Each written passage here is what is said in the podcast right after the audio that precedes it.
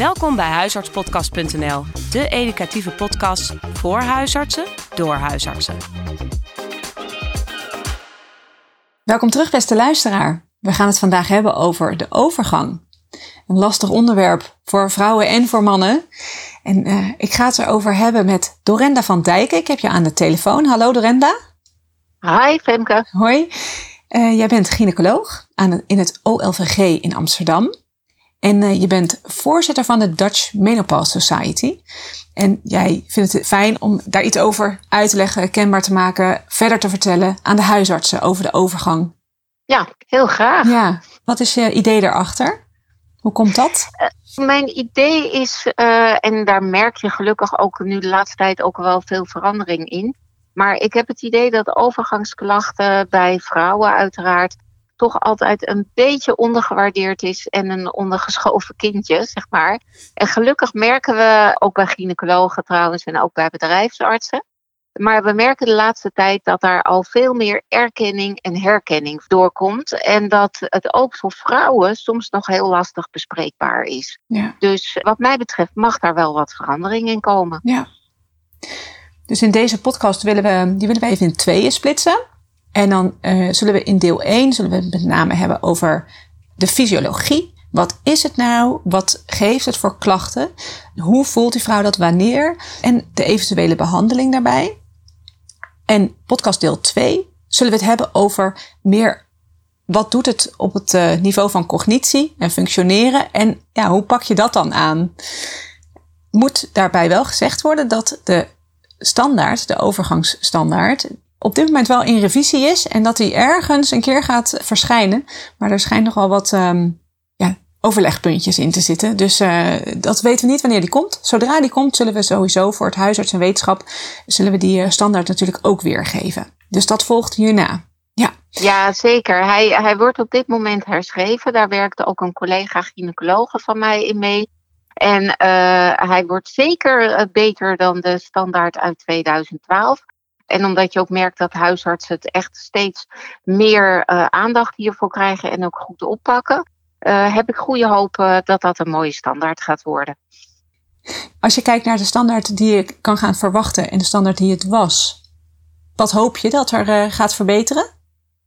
Ik hoop dat die wat verruimender is dan dat de standaard uit 2012 was.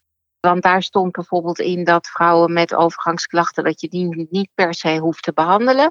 En ook over de behandelduur en de behandelopties hoop ik dat die daarin toch wat meer van deze tijd uh, wordt en in lijn ligt ook met de richtlijnen van de gynaecologen en internationaal.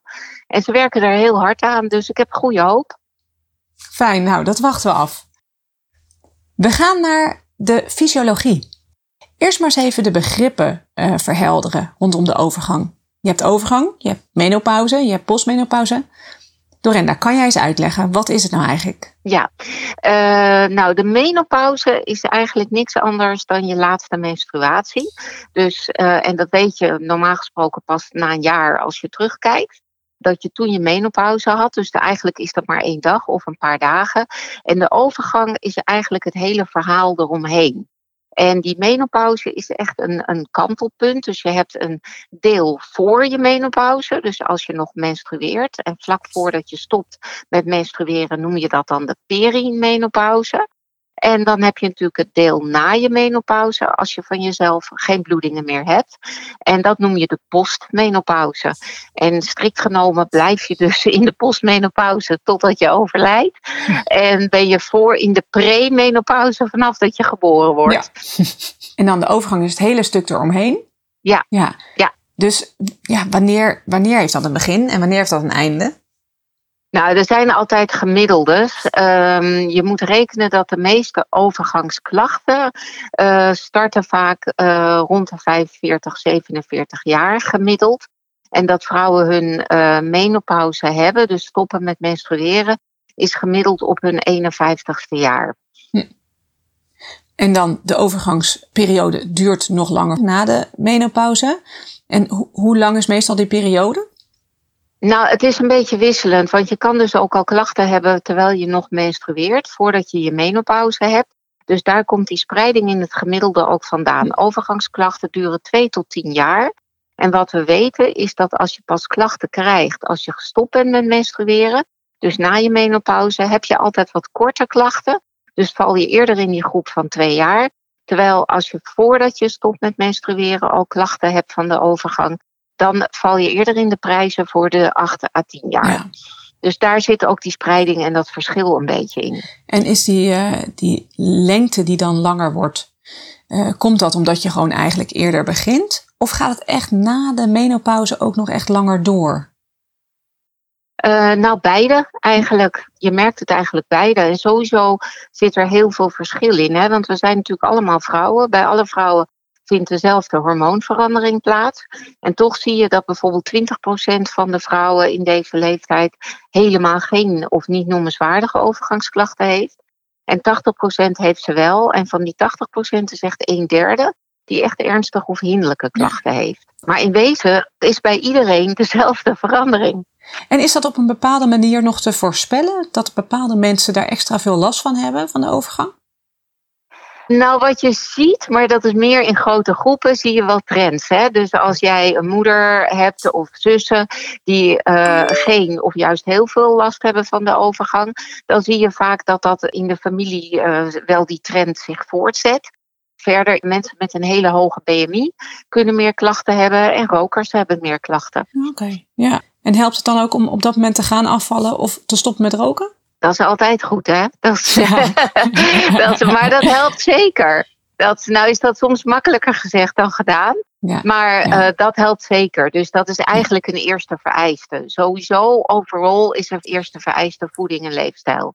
Hm. Oké, okay, dus het is al interessant dat je dus als je vroeger klachten krijgt, dus op het moment dat je al aan het nog steeds aan het menstrueren bent, dan heb je vaker toch wat langer ook overgangsklachten. En dat die overgangsklachten nog eens ja, toch heftiger lijken te zijn bij grote groepen. Uh, als je kijkt naar obesitas, roken. En dat was het volgens mij. Nou, alcohol, hè? Nou, oh, alcohol ja. is echt een boosdoener. ja, ja. Nou ja. Goed, hey, en wat zijn die klachten? Ja, je moet het eigenlijk onderverdelen in de zogenaamde typische en atypische klachten. En de typische klachten, dat zijn echt die, wat we noemen, die vasomotoren klachten, oftewel de warmteklachten. En die komen eigenlijk bij bijna alle vrouwen met klachten, eh, zeker 80% staan die klachten het meest op de voorgrond. En dat zijn de beruchte bekende opvliegers, de nachtelijke transpiratie. En soms kan je beide hebben of soms kan je een van de twee hebben. En wat je merkt is dat die warmteklachten, die geven vaak een soort, ja, ik noem het altijd maar een domino-effect van de andere klachten. Want daardoor, uh, door die warmte in de nacht, slaap je vaak slechter. Nou, als je slechter slaapt, ben je meer moe. Als je moe bent, heb je meer last van concentratie, geheugenstoornissen. En kan je ook meer last hebben van stemmingswisselingen. Dus dat rijtje zijn eigenlijk de typische klachten. En dan heb je ook nog de atypische klachten. En ja, dat is eigenlijk een heel ongezellig lang rijtje. Maar de meest gehoorde zijn eigenlijk de ja, de spier- en gewrichtsklachten, droge slijmvliezen, ook van oog, neus, mond, uh, haarverlies, figuurverandering, gevoelige borsten, soms een opgejaagd gevoel, uh, minder goed kunnen multitasken, blaasklachten, ja, soms ook wat seksuele problemen of meer vocht vasthouden. Nou, dat soort klachten. Jongen, dat is niet mooi. Nou, de troostje, niet iedereen heeft alles tegelijk. Hè? Het is, overal zitten verschillen in. Dus het kan zijn dat iemand hier helemaal geen last van heeft. Of alleen maar één dingetje. Dus eh, nou, eigenlijk heeft bijna niemand het hele rijtje. Ja. Maar, en een deel van het rijtje hoort natuurlijk ook, zoals veranderingen van je huid en je haar en je slijmvliezen, komt natuurlijk ook de door de verandering van de hormonen. En heeft natuurlijk ook met uh, ja, het ouder worden, verandering van de leeftijd te maken. Want dat is natuurlijk bij vrouwen is het zo dat die overgang gekoppeld is eigenlijk aan onze ja, veroudering. Ja. Maar als je het hebt over die typische klachten, dat zijn klachten die op een gegeven moment ook weer weggaan, toch? Ja, ja, ja. het is echt tijdelijk. Die hele overgang is eigenlijk ja, een overgangs, letterlijk overgangsfase tussen twee stabiele fases in. Je gaat van je vruchtbare levensfase naar je niet vruchtbare levensfase. Eigenlijk een soort omgekeerde puberteit. Dus het is maar een tijdelijk verhaal. Maar ik vind die hele fase daarvoor vind ik ook niet per se stabiel met alle hormonale schommelingen met elke menstruatie. Nee, maar ook dat is heel wisselend. Dat klopt. Ja. Je hebt natuurlijk ook heel veel vrouwen die ja, nooit last hebben van hun menstruatie. Niet qua bloedingsaantal, maar ook niet eh, qua stemmingen. En je hebt ook vrouwen die echt PMS-klachten hebben. Dus Ja. echt stemmingswisselingen hebben vlak eh, voordat ze ongesteld worden. Vaak in de tweede helft van de cyclus. En du moment dat die menstruatie doorbreekt, dan ineens is als sneeuw voor de zon verdwijnen dan die stemmingswisselingen. Ja. Dat is een echte PMS. En wat je wel ziet is dat die vrouwen, als zij richting de overgang komen, ook veel meer last van die PMS-klachten gaan krijgen. Oh, ja. Door die hormonale veranderingen. Maar kijk bijvoorbeeld ook naar een zwangerschap. Dat is ook een enorme hormoonverandering. Dat wordt door heel veel vrouwen ook heel wisselend ervaren. En als je dan kijkt naar hoe mensen dat in een bepaalde mate ervaren, als ze dat erger ervaren tijdens een zwangerschap of die PMS-klachten, hebben ze dan ook echt erger last van die overgangsklachten? Nou, dat hoeft niet per se. Dat, dat, dat kan. Kijk, eh, vaak heeft bijvoorbeeld dingen als vocht vasthouden ook te maken met je vaten, met je bloedvaten. Dus dat zie je vaak wel dat dat terugkomt als je ouder wordt.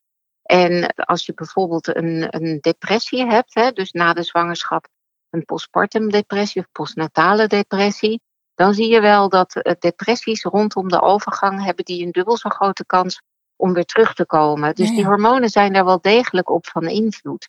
Maar het is niet zo als je bijvoorbeeld altijd slecht tegen de pil kon, dat je dan meer last van je overgang hebt, om maar wat te noemen. Oké.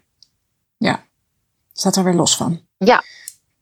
Hey, je hebt over de typische klachten en daarna de atypische klachten. En dat zijn allebei negatieve dingen. Zijn er ook nog positieve dingen te verwachten? Ja, zeker. Nou, wat ik altijd het meest positieve vind, en die bewaar ik altijd voor het laatst, is eh, de verandering in motivatie. Wat je vaak ziet, en dat zal deels ook wel door de levensfase misschien komen. Want als je in de overgang bent, ben je vaak ook in de fase dat je eerder mantelzorger wordt voor je ouders. Dat je eigen kinderen de deur uitgaan voor als van toepassing is. En wat je vaak ziet, is dat er een verandering is in motivatie. Ik vertaal het altijd meer van dat vrouwen gaan ineens voor zichzelf kiezen. Dus als ze al heel lang balen van hun werk, hun werkgever of hun partner of van hun woning of wat dan ook, dan kunnen ze bijvoorbeeld ineens, je ziet dat er een enorme omslag is en dat veel vrouwen toch ineens een andere studie gaan doen of voor zichzelf beginnen of uh, ja, echt een keuze voor zichzelf maken. En of dat nou echt door de overgang komt of door de levensfase, dat durf ik niet te zeggen. Hm. Maar ik vind dat ontzettend leuk om te zien. Ja. En ervaren vrouwen dus ook de overgang wel eens als iets positiefs? Dat ze dat dus voelen van ik kom een beetje los van mijn gezin? Nou, vast wel. Maar ik denk niet dat ik die vrouwen zie. Want ze komen natuurlijk meestal bij mij als het niet goed gaat. Ja, dat is waar. Dat zal vast wel, dat is ongetwijfeld zo. En dat hoor je ook wel. Je gaat denk ik als vrouw misschien andere keuzes maken. En wat je ook ziet, maar dat, dat is misschien meer vrouwen eigen. Hè? Iedereen kan ons altijd alles vragen. We doen altijd alles voor iedereen. We doen tien dingen tegelijk. Wat overigens niet hormonaal is. Dat is gewoon aangeleerd gedrag. Ineens hebben die vrouwen zoiets van ja, maar nu ben ik aan de beurt. Maar nogmaals, dat is ook niet hormonaal, denk ik. Maar wel heel leuk om te zien. Wij gaan over die multitasken en ook de nou ja, maatschappelijke impact en zo. Daar gaan we het in deel 2 over hebben. Dat wordt ja. heel leuk. Ja. Er zit dus ook een positieve kant aan. Dat is fijn om te weten. Dan kunnen we nu toch nog even terug ons doorbijten door de negatieve aspecten ervan. Eh, laten we eens beginnen bij die typische klachten. Ja. De typische klachten van de opvliegers, nachtzweten. Wanneer begint dat in zo'n overgang? Ja, meestal als je daar gevoelig voor bent, hè, want zoals eerder aangegeven, niet iedereen hoeft daar last van te hebben. Het heeft eigenlijk te maken, in je hersenen zit een soort, simpel gezegd, een soort thermostaatcentrum. Daar zit een zogenaamde thermoneutrale zone.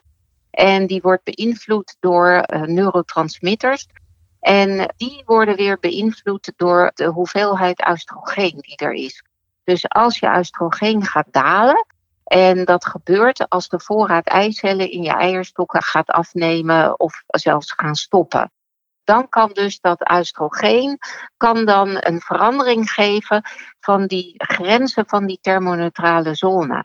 En dat betekent dus dat jouw lichaam ervaart dat het bijvoorbeeld buiten heel erg koud is of heel erg warm is. En die gaat dus juist warmte afgeven of juist niet.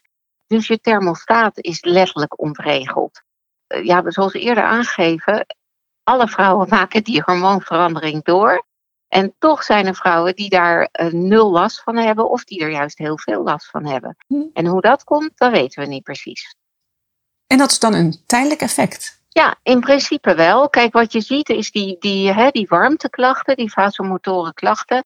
Er is een hele kleine groep vrouwen in de orde van 3%, die dat niet meer in heel ernstige mate, maar soms toch ook nog in lichte mate uh, nog wel heeft op hoge leeftijd. Tot in dat ze 70, 80 jaar zijn, maar dat is echt een uitzondering.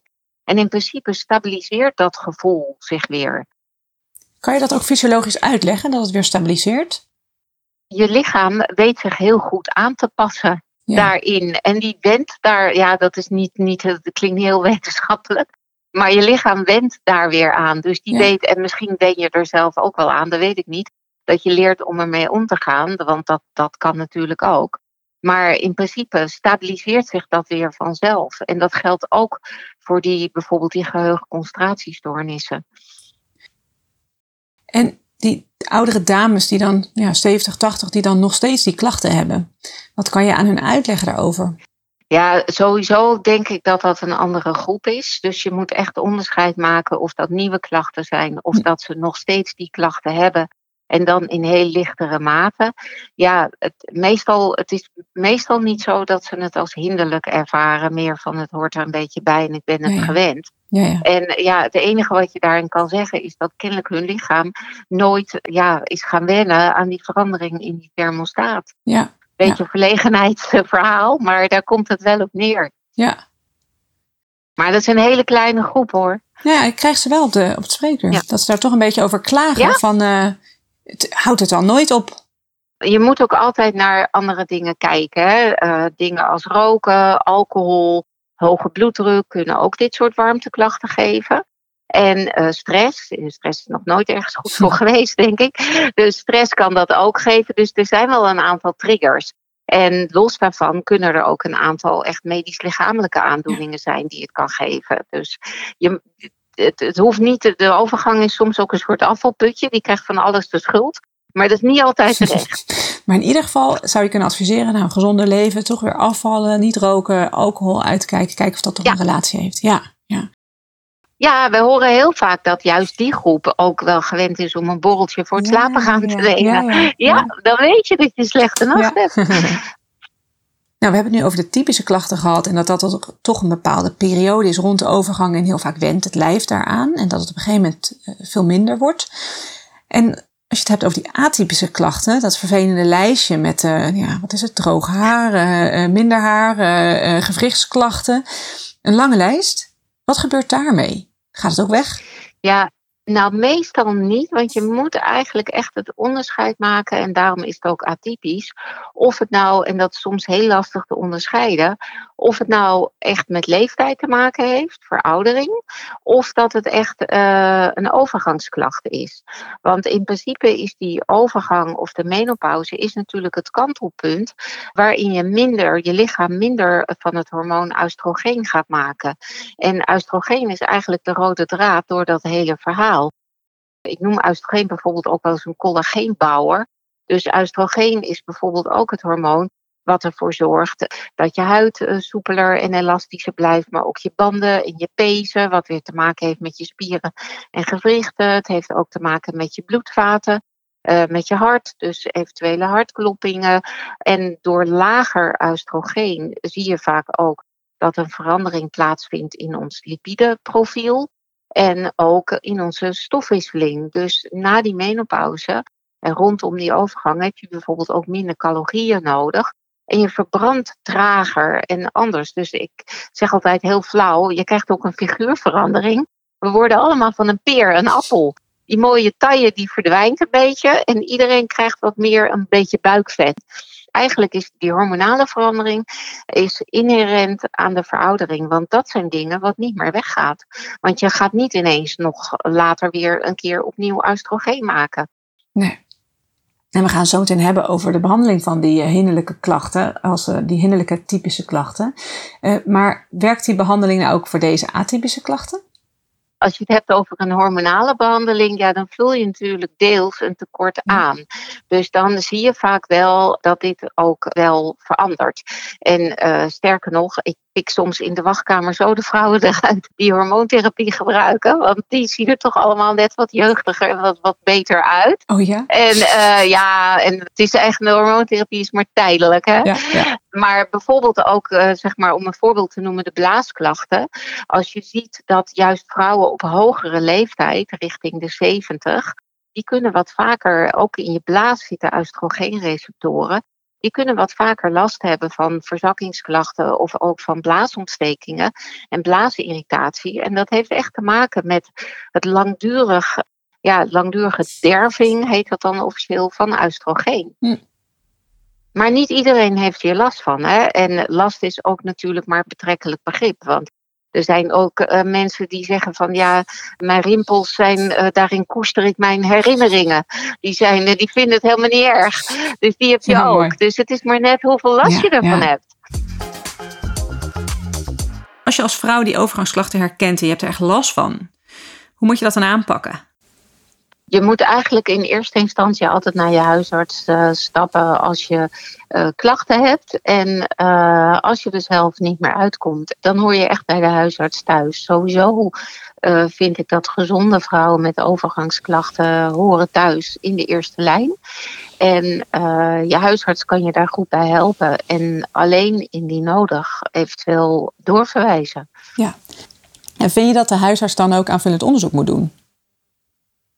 Uh, we denken vaak dat bloedonderzoek, of althans dat wordt vaak gedacht, dat bloedonderzoek ook iets kan zeggen over de mate van klachten of de fase waarin je zit.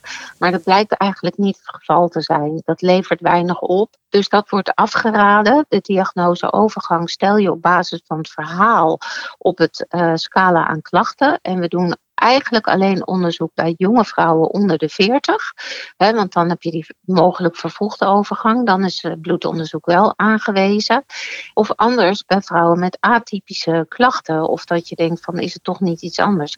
En dan bepaal je niet zozeer de geslachtshormonen als oestrogeen, progesteron, FSH en dergelijke. Maar dan moet je meer denken aan andere aandoeningen.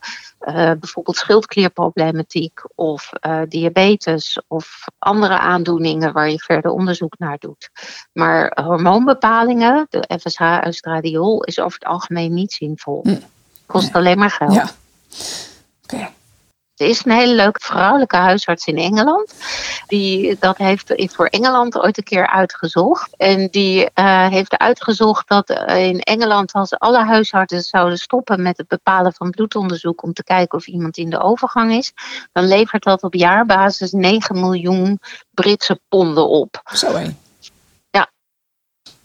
Ik weet niet of zij al veel meer testen dan wij doen dat weet ik ook niet zo goed. Maar er wordt nog wel heel vaak getest, hè? juist in die perimenopauze. Kijk, je estradiolspiegel fluctueert ook zelfs op de dag of op het moment van je cyclus. Dus ja, het, het zegt gewoon niet zoveel. Nee, nee. Zijn er nog niet-medicamenteuze adviezen die jij uh, verder geeft? Ja, ik denk zelfs als de huisartsen. En ik denk zelfs dat huisartsen dat beter weten dan gynaecologen. Kijk, voeding en leefstijl staan echt met stip op één. Dus je moet altijd ook goed kijken naar wat iemand eet. En dat is dan met name de koffie, de thee, de alcohol en de sterk gekruide uh, spijzen. Maar soms kunnen ook citrusvruchten, hè, die elke ochtend je vers geperste sinaasappeltje, kan best ook een trigger zijn voor opvliegers. Dus daar moet je altijd eerst naar kijken. Verder een uh, gezonde BMI. En uh, goed beweegpatroon. Hè? De, ja, gemiddeld zeker 30 minuten per dag goed bewegen. En dat kan van alles en nog wat zijn. Maar we weten dat uh, in ieder geval bewegen niet zozeer het aantal opvliegers vermindert. Dat hebben we in onze gynaecologenrichtlijn uh, onderzocht. Maar vrouwen ervaren wel allemaal unaniem een betere kwaliteit van leven. En ja. dus voeding en leefstijl is eigenlijk met stip op één waar winst in te behalen is. Sowieso is het ook zo dat uh, alcohol, zeker dagelijks, maar ook een hoge BMI, ook een hoge, echt een aanzienlijk hoger risico, dubbel hoog risico borstkanker geven. Dus daar is dubbel winst. En uh, soms kan je ook leren omgaan met je klachten. Hè? Dat noemen ze ook wel cognitieve gedragstherapie, oftewel coping. En dat is in wezen ook een behandeling. Of dat je structureel, uh, je kan zelf ook trucjes toepassen Gewoon minder gehaast dingen doen, werken met lijstjes, vaker pauzes nemen, meer ontspanmomenten. Er is genoeg. Er is genoeg, ja, als je maar weet van hebt. Ja, informatie. Ja, dat het kan werken. Ja. En wat is jouw uh, advies over als mensen daarnaar vragen? Van, ja, kan ik het niet gewoon met de drogisterijmiddelen doen, met de kruiden? Uh, ik hoor wel eens een glutamine of aanvullende vitamines. Ik denk als je gewoon normaal gezond en gevarieerd eet. En bij voorkeur hè, het algemene mediterrane dieet, wat ook beter is voor hart en vaten. Dat je dan in principe geen extra vitamines of supplementen hoeft te nemen. In mijn opinie, uh, maar nogmaals is een persoonlijke mening, is dat alleen goed voor de portemonnee van de fabrikant en niet voor vrouwen zelf. En kan je het voldoende uit voeding en leefstijl halen. Je hebt nog als aanvulling eventueel misschien de zogenaamde fyto-oestrogenen. Dat zijn de oestrogenen uit planten, zoals bijvoorbeeld de soja of de rode klaver. En die kunnen bij lichte overgangsklachten wel iets doen. Alhoewel in onze richtlijn hebben we ook aangetoond dat de bewijskracht daarvoor vrij laag is. En je moet altijd wel opletten dat je dan echt een geregistreerd product hebt. Want dat is soms moeilijk te onderscheiden. Er is helaas heel veel te koop, maar niet alles is even veilig. Hoe zie je dat, dat het geregistreerd is? Ja, dat kan je wel ergens terugvinden. En meestal kan je het beste varen op een uh, goed advies van of je arts of een menopauzeverpleegkundige. Hm. Oké. Okay. Dan gaan we eens naar de hormonale behandeling. Yes. Ja, dat levert natuurlijk heel veel discussie op. Wanneer wel, wanneer niet. We zullen dat waarschijnlijk in de overgangsstandaard te zijn de tijd ook benoemen. Maar ja, wanneer moet je nou behandelen met die medicijnen? Nou, ik, ik denk dat we het eigenlijk daar met z'n allen wel redelijk over eens zijn. Sowieso is het zo dat je zeker niet iedereen aan de hormoontherapie hoeft. Helemaal niet. Maar ik denk dat we het erover eens zijn dat dat echt bedoeld is voor vrouwen met ernstige of hinderlijke klachten. En hinderlijk is natuurlijk voor iedereen weer anders. En ik denk dat je moet zeggen, als je klachten je dusdanig belemmeren in werk en of privé, dat je niet meer uh, goed kan functioneren, dan is het hinderlijk. En dat is voor iedereen natuurlijk weer anders. Dus dat kan je ook heel moeilijk uh, meten. Dat is persoonlijk. Ja. Kijk, wat je, wat je eigenlijk doet, is je vult als het ware het tekort een klein beetje aan. En het blijkt dat een heel klein beetje ook echt al genoeg is om de scherpe kantjes van die klachten af te halen. Maar je moet natuurlijk wel lang genoeg behandelen. Dus als iemand twee tot tien jaar overgangsklachten heeft, dan ben je er niet met een half jaartje. Wat het huidige adagium is, is dat je eigenlijk het liefst zo laag als mogelijk geeft. Ook daar zijn we het met z'n allen over eens. En in wezen zo lang als nodig. Maar we weten dat van die uh, hormoontherapie, dat het schreven is altijd binnen die vijf jaar te blijven. En over het algemeen lukt dat ook heel goed. En daarmee kan je het heel goed overbruggen. Hm. En als je dan stopt met de hormoontherapie, ga je dan door een bepaalde periode dus van rebound? Nee, nee dat hoeft niet. Nee, kijk, wat je doet is als, je, als het op een gegeven moment goed aanslaat, dan na een tijdje, als iemand uh, zegt van nou, ik voel me eigenlijk weer zo goed. Ja, dan gaan we meteen beginnen over, nou, dan gaan we kijken of we niet naar een wat lagere dosering kunnen. En je gaat het dus op een gegeven moment echt afbouwen in stapjes. En dan zie je vaak dat ook dat lijf zich daaraan heel goed kan aanpassen. En als je dan op een gegeven moment stopt, dan is het of over, of het is nog in die mate aanwezig dat vrouwen er eigenlijk niet echt last meer van hebben. Ja. Dus vandaar die overbrugging. Maar die groep vrouwen die het echt uh, heel zwaar heeft, zeg maar, ja, die moet je vaak toch in de praktijk merken we dat je die toch wel zeker een jaar of twee of drie. Je blijft altijd bij voorkeur wel binnen die vijf jaar. Maar je moet altijd wel iets langer behandelen.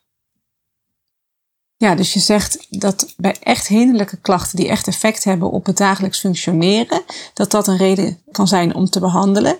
Ja. En dan met de laagst mogelijke dosering. En zodra je uh, eigenlijk klachtenremissie krijgt, nou, dan ga je al meteen aan de slag voor uh, ja, kunnen we, kunnen we lager ja. gaan? Ja. Ja. ja. En dan uh, binnen die vijf jaar blijven qua behandeling. Ja. En dan vervolgens, omdat het zo netjes is afgebouwd, kan je ook niet verwachten dat het ineens een rebound krijgt. Want uh, nee. ja, je bent al netjes afgebouwd. Ja. Ja, en dan is het vaak niet echt een rebound, maar dan zijn ze er misschien nog niet doorheen. En ik Hm. vergelijk het wel eens, en dat is misschien helemaal geen goede vergelijking, maar als je iemand behandelt met een longontsteking, geef je ook niet twee dagen antibiotica. Je behandelt gewoon lang genoeg, Ja. totdat het probleem over is. En dat geldt hier eigenlijk ook voor.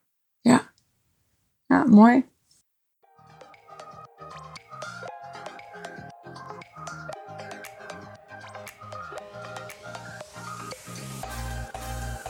Ik zit weer aan de telefoon met Dorenne van Dijken. We hebben een stuk van deel 1 hebben we recent al opgenomen.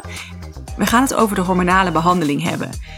Waarom zijn er verschillende hormonale behandelingen? En vervolgens, wat zijn de risico's die het met zich meebrengt? En dan kijk ik naar het oestrogeen en het progesteron. Ondertussen heb ik ook met mijn overbuurvrouw heb ik haar verhaal opgenomen over hoe zij de overgang ervaren heeft. Wat, een, ehm, wat echt kan bijdragen in ja, je begrip voor wat, wat is dat nou? Hoe voelt dat nou, die overgang? Nou, die kunnen jullie hierna gaan luisteren. Maar daarin, die casus, kwamen interessante vragen naar voren. En dat ging over oestrogenen, mammacarcinoom en waarom welke behandeling wel of niet. Daar gaat zo meteen Dorenda ook antwoord op geven. Nou, Dorenda, we zijn nu dus ondertussen bij de hormonale behandelingen. Kan je eens uitleggen waarom zijn er nou verschillende hormonale behandelingen? Sowieso is het zo dat de huidige hormonale behandelingen eigenlijk al de laatste twintig jaar zijn ook al heel anders dan in de jaren negentig. We werken veel meer met uh, lichaams-eigen natuurlijke hormoon, oestrogeen en progesteron. En we werken ook met veel lagere doseringen. Dus die beeldvorming van de risico's die je hebt, met name het risico op borstkanker op hormoontherapie, dat gaat echt over andere type producten en hogere doseringen. Dus het zijn echt andere regimes. Dat is één. Het hormoon oestrogeen wat je geeft uh, in hormoontherapie is het lichaams-eigen natuurlijke estradiol. Dat is, als je dat bijvoorbeeld vergelijkt met de anticonceptiepil, een veel zwakker oestrogeen uh, dan dat in de pil zit. En daarmee dus ook een veel lager risico op borstkanker en ook bijvoorbeeld een veel lager risico op trombose. Als je nog een baarmoeder hebt, dan moet je als vrouw altijd, naast als je oestrogeen krijgt als hormoontherapie, daarnaast ook progesteron gebruiken. Omdat oestrogeen geeft weer wat aanmaak van het baarmoederslijmvlies in de baarmoederholte. En die opbouw moet je tegengaan. Als je dat niet doet, heb je kans op ja, een soort vorming van onrustige cellen. Dat noemen we hyperplasie. Dat kan op den duur overgaan in baarmoederkanker. Dus vrouwen met een baarmoeder moeten altijd de combinatie van oestrogeen en progesteron hebben. En je kan bij hormoontherapie, wat je eigenlijk doet, is je vult het tekort een heel klein beetje aan. En het blijkt dat je echt maar een snufje nodig hebt van oestrogeen om al te kunnen sturen op die klachten. En voor vrouwen zonder baarmoeder, uh, die hoeven natuurlijk geen progesteron te gebruiken. Dus die kunnen volstaan met alleen oestrogeen. Oké. Okay. En dan heb je oestrogeen ook nog in twee toedieningsvormen, grof gezegd. Je hebt het als tablet, dus oraal, maar je hebt het ook als toedieningsvorm via de huid, dus transdermaal. Dan bestaat het in een pleister, een spray of een gel. En het voordeel van de transdermale estradiol is dat het dus niet via de lever gaat. Dus je mist het first pass effect in de lever. En daardoor is het eigenlijk nagenoeg trombose neutraal. Maar we weten ook dat het zorgt voor een veel stabielere spiegel in het bloed. En daarmee dus ook beter stuurt bijvoorbeeld stemmingsklachten, op seksuele klachten. Vrouwen die gevoelig zijn voor hoofdpijn of migraine hebben met transdermaal estradiol daar veel minder last van. Dus transdermaal kan soms echt ook een voorkeur hebben boven oraal. Heeft het ook nog negatieve kanten, de transdermale? Sowieso kan je van oestrogeen, van estradiol, kan je natuurlijk ook de bijwerkingen hebben die je ook van de pil kan hebben. Mm-hmm. Dat zijn met name gespannen borsten, wat hoofdpijnklachten, misselijkheid. Maar dat is eigenlijk alleen als de dosering iets te hoog blijkt te zijn. En van de transdermale toediening, met name van de pleisters, kan je wat lokale huidirritatie hebben. Okay. Ja. En wat zijn de, de risico's die oestrogenen met zich meebrengen? We hadden het over mammacarcinoom en DVT. Kan je daar nog verder op ingaan? Kijk, als je het vergelijkt met de pil, dat is altijd een makkelijke vergelijking. Dan weten we dat hormoontherapie is iets, het risico op uh, eh, DVT is ongeveer uh, iets meer dan de helft lager. En dat heeft met name te maken met het type oestrogeen wat in de anticonceptiepil zit. Daar zit namelijk ethinylestradiol in. En dat heeft een, een echt 300 keer sterker, dat noemen we een angiotensinogene werking op de bloedvaten. Dus een hoger uh, tromboserisico. En de anticonceptiepil is natuurlijk een heel ander product. De grap van de pil is dat hij de ijsprong onderdrukt en dus soms ook je cyclus. Hè? Dus je kan hem doorslikken waardoor je menstruatie skipt. Dus de pil stuurt eigenlijk veel meer op je hypofyse en hypothalame als in je hersenen. Die legt gewoon je hele eigen hormoonhuishouding plat. Terwijl hormoontherapie is niets anders dan met een klein snufje het tekort aanvullen. Dus het is veel lichter. Als je dat bijvoorbeeld naast elkaar zou zetten qua sterkte, grof gezegd, is zeg maar drie weken de pil steken staat gelijk aan een jaar hormoontherapie gebruiken. Het is veel lager gedoseerd. En op je vraag over mammacarcinoom, we weten dat het risico op borstkanker van hormoontherapie is afhankelijk van het type progesteron wat je gebruikt. En de huidige regimes werken we eigenlijk met twee voorkeurstypes. Dat is het uh. Dat is, noemen we een retroprogesteron, want dat is voor 90% bio-identiek lichaams-eigen en daarmee veel zwakker en uh, veel ander effect op de progesteronreceptoren in het borstweefsel, dus veel veiliger. En het uh, gemicroniseerd progesteron, oftewel het natuurlijk progesteron, dat is eigenlijk volledig veilig voor het borstweefsel. Maar dat stuurt weer wat minder goed op het endometrium, op het baarmoederslijmvlies. Dus bij langdurig gebruik heb je daar wat meer hoger risico op baarmoederkanker. Maar voor het borstweefsel is het veiliger. Hm. En dan heb je natuurlijk ook nog de Mirena-spiraal, het hormoonspiraal. Dat bevat het hormoon levonorgestrel. En dat werkt alleen lokaal. Er komt wel iets in het bloed, maar dat is maar ongeveer 22 picomol per liter. Dus dat is heel weinig. Dus voor vrouwen die gevoelig zijn voor stemmingsklachten met progesteron, want dat kan ook, dan is progesteron de boosdoener, is bijvoorbeeld die Mirena een goede uitkomst in combinatie met bijvoorbeeld transdermaal estradiol. Ja, ja. Om dus die overgroei te minderen in de baarmoeder, ja. dat risico te niet te doen, maar wel de oestrogenen aan te vullen. Ja, hmm. en uh, vrouwen qua stemmingsklachten, maar dat hoort eigenlijk bij de volgende podcast. dan, uh, die, die, er zijn veel vrouwen die gevoelig zijn voor progesteron en daar negatief op reageren met stemmingen. Dus vandaar zorg op maat. Je moet echt kijken welke klacht heeft iemand, wat is de hoofdklacht? En dan ga je kijken voor welk product je daarmee het beste op kan sturen. En daarmee neem je natuurlijk ook de risicofactoren mee hè, die iemand heeft. Ja. Nog even één uh, opmerking over dat oestrogeen. Want die WHI-studie van 22 jaar geleden, daar was natuurlijk ook een groep vrouwen zonder baarmoeder die alleen oestrogeen kregen. En die vrouwen zijn vervolgd. Dus vorig jaar is er net een heel mooi onderzoek gepubliceerd waarin dus is aangetoond dat vrouwen die alleen estradiol gebruiken, alleen oestrogeen, dat die een veel lager risico hebben op het krijgen van borstkanker dan die vrouwen met die combinatie hormoontherapie van oestrogeen en progesteron. En we hebben dus altijd gedacht dat dat kwam omdat vrouwen die hormoontherapie gebruiken misschien veel alerter zijn op hun lichaam, zich vaker laten controleren en dat daardoor borstkanker in die groep minder voorkwam. Maar ze hebben nu aangetoond dat alleen oestrogeen dat dat juist een beschermende werking heeft tegen borstkanker. Het relatief risico in die groep is 0,77, dus lager dan vrouwen die niks gebruiken.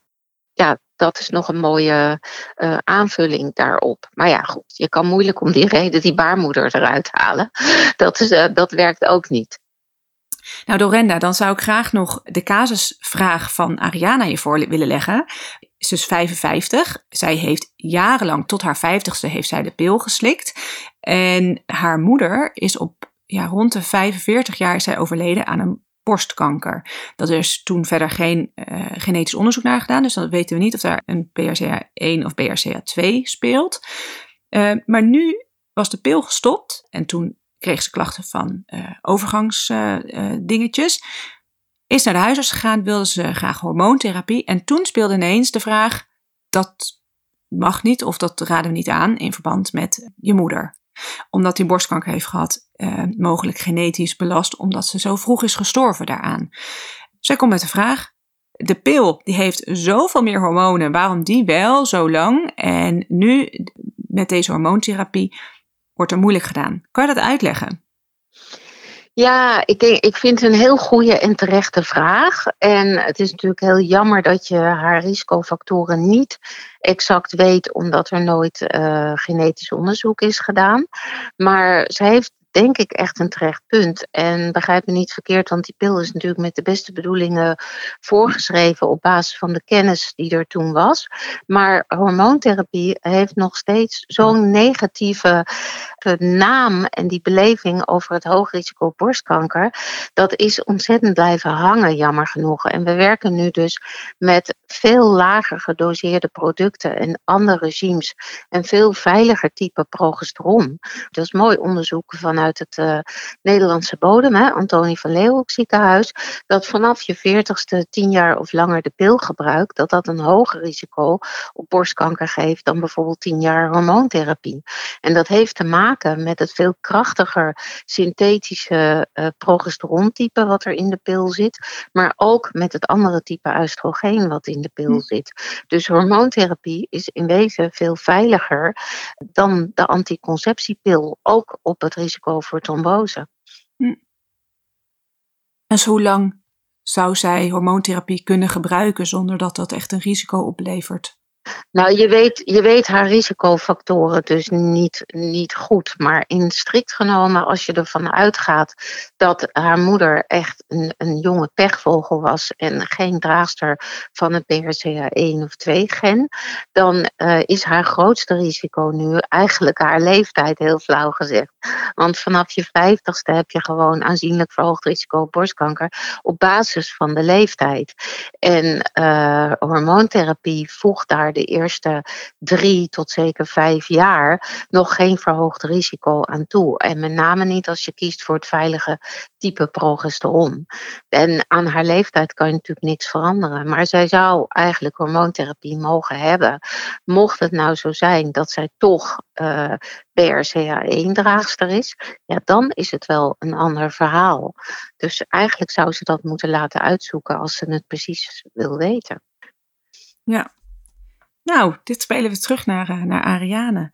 En uh, wij gaan uh, door naar de volgende podcast.